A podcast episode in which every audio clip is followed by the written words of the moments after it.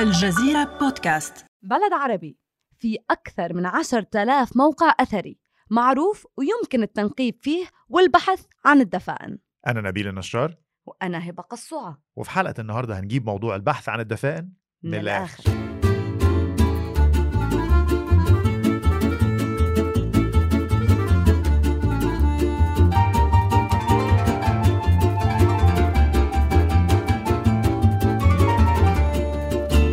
ربما أول حاجة تخطر في بال أي شخص لما نيجي نتكلم عن البحث عن الدفائن أو ال treasure hunting في العالم العربي هو العثور على كنوز الذهب المدفونة تحت الأرض من أموال ملوك وأثرياء الحضارات الغابرة ذهب ياقوت مرجان صحيح. وبعدين بيتبعها فورا حلم بالثراء السريع المقترن بهالة من الغموض بتحيطها الكثير من الأساطير عن السحر والجن. حكايات بيتناقلها الآباء والأجداد عن أولئك اللي نقبوا وفتحت لهم طاقة القدر في لحظة حظ تشعل الخيال. صحيح. بالسنوات القليلة الماضية تحول موضوع البحث عن الدفائن وهي الظاهرة من مجرد حالات فردية لظاهرة مستشرية بالعديد من المجتمعات العربية بتدور حول الكثير من الجدالات ما بين قوانين بتجرم التنقيب عن الذهب والدفائن بدون تصريح ملاحقات الشرطة اللي دائما تسعى للحفاظ على الآثار من تخريب المنقبين وما بين حديث كيف نوصل لهي الكنوز عن طريق تسخير السحر الجن تعويذات نتبع إشارات نفك رموز وغيرها مقابل البحث باستخدام طرق علمية وأجهزة حديثة بتكشف عن المعادن مثل الذهب. الناس ما بتوقف إنها تتداول أخبار هؤلاء اللي فعلا عثروا على هي العلامات وهي الإشارات وقدروا يحصلوا على الثراء فجأة. والتفسير الأقرب دائما إنهم لاقوا دفينه الموضوع منتشر أكتر مما عقلك ممكن يتخيله. آه، على رأس الدول اللي بينتشر فيها موضوع البحث عن الذهب والدفائن هي الأردن. بشكل محموم جدا من بداية التسعينات بحسب الأرقام الرسمية حتى عام 2015 الأردن كان فيها أكتر من 10,000 موقع أثري معروف وتقدر إن أنت تنقب فيه وده اللي بيعني أيضا إن في أكتر من 10000 متحف مفتوح معرض لخطر التخريب. ده غير إن في ثلاث أضعاف الأماكن المعروفة في الأردن اللي لسه ما وصلناهاش. من وين إجت فكرة البحث عن الذهب؟ الباحثين عن الدفائن بيعتقدوا بشكل راسخ إنه في كنوز من الذهب مطمورة بعمق الأرض بانتظار حدا يعثر عليها، وفي مجموعة من الأسباب بتعتبر عوامل أساسية بترسخ هي الفكرة. اولا في ناس بتعتقد إن القدماء ما كانش عندهم نظام للبنوك أو المصارف. مفيش مكان لحفظ الأموال سوى دفنها في بطن الأرض. يحدد الشخص مكان الدفينة بعض الإشارات الخاصة يحتفظ بخريطة فيها رموز سرية. طبعا الطريقة دي لحفظ الكنز بتعرضه للكثير من المخاطر. ممكن تضيع الدفينة بموت صاحبها لأن محدش غيره يعرف مكانها أو المنطقة دي تتعرض لأي كارثة طبيعية من فيضانات براكين زلازل. ممكن الشخص صاحب الدفينة يفقد أثرها. ده أحد الاعتقادات عند الناس اللي بتؤمن بالبحث عن الدفاع ومن الأسباب أيضا نبيل الخوف على الأموال من السرقة بالعصور القديمة خصوصا عند الذين كانوا معروفين بالثراء عندك التجار والأعيان وكبار موظفي الدولة. هؤلاء كانوا بيخفوا كنوزهم بباطن الأرض لحمايتها كما أنه بالفترات ما بين انهيار أنظمة الحكم ونشر أنظمة جديدة بتسود عادة الفوضى الأمنية ما يدفع بالسكان وكل شخص عنده ثروة بخاف عليها من السرقة والنهب إلى دفنها أيضا في اعتقاد منتشر جدا وهو الأكثر رسوخا أن العثمانيين لما خرجوا من الولايات في العالم العربي اللي كانت تابعة للدولة العثمانية هاربين من الإنجليز دفنوا فلوسهم وكنوزهم تحت الأرض بجوار السكة الحديد اللي أنشأها السلطان عبد الحميد الثاني وتركوا وراءهم بعض العلامات المستعجلة اللي بتشير لوجود دفائن ذهبية عشان يرجعوا لها بعد الحرب من الأسباب أيضا نبيل أنه في اعتقاد آخر بأنه سكان الأردن بالتحديد السكان القدماء كانوا بيدفنوا كنوزهم معهم بالقبور بعد الموت ليه؟ لحتى ينفقوا على أنفسهم بعد وفاتهم يعني بالحياة الأخرى وبعد الانتقال. هاي العقيدة أيضا معروفة وموجودة كانت بين المصريين القدماء.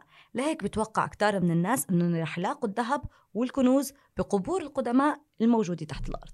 وانتوا عندكم في السويدة منطقتك من سوريا.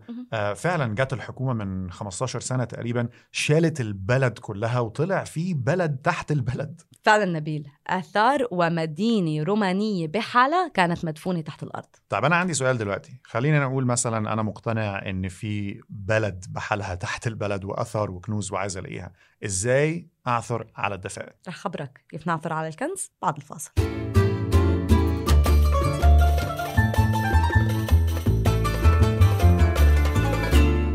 الفاصل خلص احكي لي بقى. إزاي أدور على الدفائن الطريق إلى الكنز طويل ومحفوف بالمخاطر. لكن في طريقتين هن الأكثر اعتمادا اللي بيبحث فيها الناس عن الدفائن الطريقة الأولى التعامل مع كائنات سحرية ما وراء الطبيعة مثل جن وشياطين. جميل.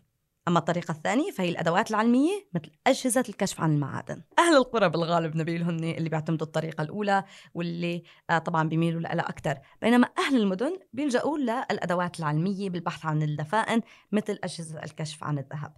مجموعة كبيرة من الاعتقادات والأساطير بتدور حول الطريقة الأولى. لكن لازم ناخذ بعين الاعتبار إذا بتآمن بالسحر ورح تسخر الجن إنه لكل دفين خصوصا الذهب في جنة بقوم بحراسته من السرقة بسمى الرصد. غير طبعا إن أكيد في استخدام العرافين الدلالين الشيوخ اللي بيعتقد الناس إن هم بيتمتعوا بقوة خارقة تمكنهم من معرفة مكان الكنز المدفون. تخيل إنه بالمغرب تحديدا مثلا هناك البعض اللي بيقوموا باختطاف الأطفال اللي بيعتقدوا إنه عندهم مواصفات خاصة بيستخدموا هؤلاء الأطفال لنقل الكنوز بعد العثور عليها لأنهم بيعتقدوا إنه الأطفال ما بيخافوا من الجن وبيطلق على هؤلاء اسم الزهوريين.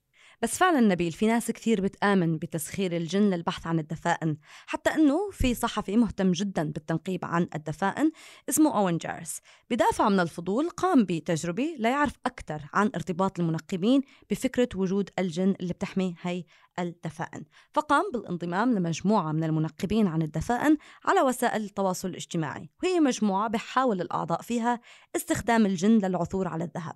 راقب جارس هي المجموعة لمدة شهرين وقال بملاحظاته أنه وجد أنه أغلب اللي بيحاولوا استخدام الجن هن بالأردن وفلسطين والأراضي المحتلة. طبعا في الطريقة الثانية اللي هي الطريقة العلمية بعيدا عن السحر والشعوذة بتعتمد على شراء أجهزة كشف عن المعادن. معظم الأحيان غالية جدا ممكن توصل ل 28 ألف دولار أمريكي للجهاز الواحد. فكما لكم أن تتخيلوا معظم الناس بتفضل التعامل مع السحر والمشعوذين.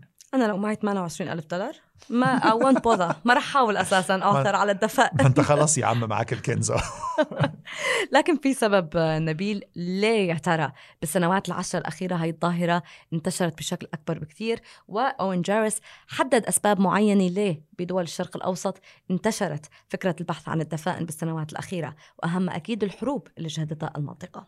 بحسب كلامه الحروب الظروف الاقتصادية برضو اللي هي خانقة في بعض الدول العربية اضطرابات إقليمية ارتفاع معدلات البطالة والفقر كل الأسباب دي ممكن تدفع بناس إن هي تلجأ لموضوع البحث عن الدفائن كوسيلة من وسائل الاستمرار على قيد الحياة. يعني الموضوع مش الله ادفنشر هواية لبعض الناس بالنسبة لهم بيسخروا حياتهم كلها للبحث عن الدفائن بيبيعوا الحاجات اللي عندهم علشان يدفعوا للدلالين والعرافين ولو هيشتروا أجهزة أو أيا كانت. لكن حقيقة الأمر أن البحث عن الذهب والدفائن ليه عواقب قانونية جسيمة. تخيل إنه بالقانون المصري مثلا بالمادة 42 من قانون العقوبات يعاقب بالسجن مدة لا تقل عن خمس سنوات كل شخص بيحاول البحث والتنقيب عن الدفائن والذهب. وبيدفع غرامه ما بتقل عن 3000 جنيه. وعلى فكرة ممكن توصل ل ألف جنيه في بعض الحالات. ومش بس اللي بيبحث عن الدفائن أيضا اللي بيسرق آثار أو جزء من آثار الممالك القديمة أو اللي بيقوم بإخفاء هذه الدفائن أو الاشتراك في ذلك أيضا يعاقب. هدم أو تلف آه، أي حاجة أثرية سواء عمدا أو بالصدفة مبنى تاريخي تشويهه أي حاجة من الحاجات اللي ليها علاقة بالمس بالآثار جريمة يعاقب عليها القانون. وأيضا بالقانون الأردني اللي هي أكثر الدول يمكن اللي بيتم فيها البحث عن الدفائن المادة 26 من القانون الخاص بالآثار يعاقب بالسجن مدة لا تقل عن سنة كل شخص بيبحث أو بتاجر أو بينقب عن الدفائن وبيدفع غرامة لا تقل عن 3000 دينار أردني. أو ما يتناسب مع قيمة الأثر المسروق. إنما الحقيقة إن بعض الآثار دي فعليا لا تقدر بثمن في أي سوق ولا السوق السوداء ولا أي حاجة. في يا جماعة عواقب ثقافية. غير العواقب القانونية لسرقة الآثار. صحيح نبيل بالرغم من الجهد الهائل المبذول في البحث عن الدفائن وعن الذهب لأنه عالم وخبير الآثار الأردني زياد كفافي أكد للجزيرة نت عدم وجود ذهب تحت الأرض سوى بشكل محدود وبأشكال معينة يعني ممكن نلاقي شوية أساور خواتم لكن بينفي تماما وجود الذهب والكنوز بطريقة وكمية كتير كبيرة. أيضا بيقول إذا أنت عم بتدور على الآثار بالأردن كأنك عم بتدور على إبرة بكومة قش. يعني أنت ممكن تخرب متحف مفتوح لتلاقي يمكن نص كيلو ذهب. في النهاية ممكن للمواطنين اللي بيلاقوا آه، ذهب أو كنوز في أرضهم بالصدفة غالبا الفلاحين آه، بحسب كلام كفافي يقدروا يقدموا طلب تصريح من الحكومة بالتنقيب عن الذهب مقابل دفع مبالغ مالية معينة وهو تصريح شبيه بالتصريح اللي بيمنح للجامعات وبعثات الآثار وبيكون التنقيب تحت إشراف من المختصين. لو لقى المنقب الذهب بتقوم الدولة بمنحه حصة منها أو تعويض بشكل أو بآخر. لكن هون الواحد ما في ما يسأل غير إنه هل يا ترى نحن فعلا بنآمن بالجن والرصد وحتى وجود الدفائن؟ والسؤال الأكبر بتخاف على أثار بلادك من المنقبين؟ ومن الآخر هذا موضوع البحث عن الدفائن. استنونا الأسبوع الجاي في حلقة جديدة من بودكاست من الآخر.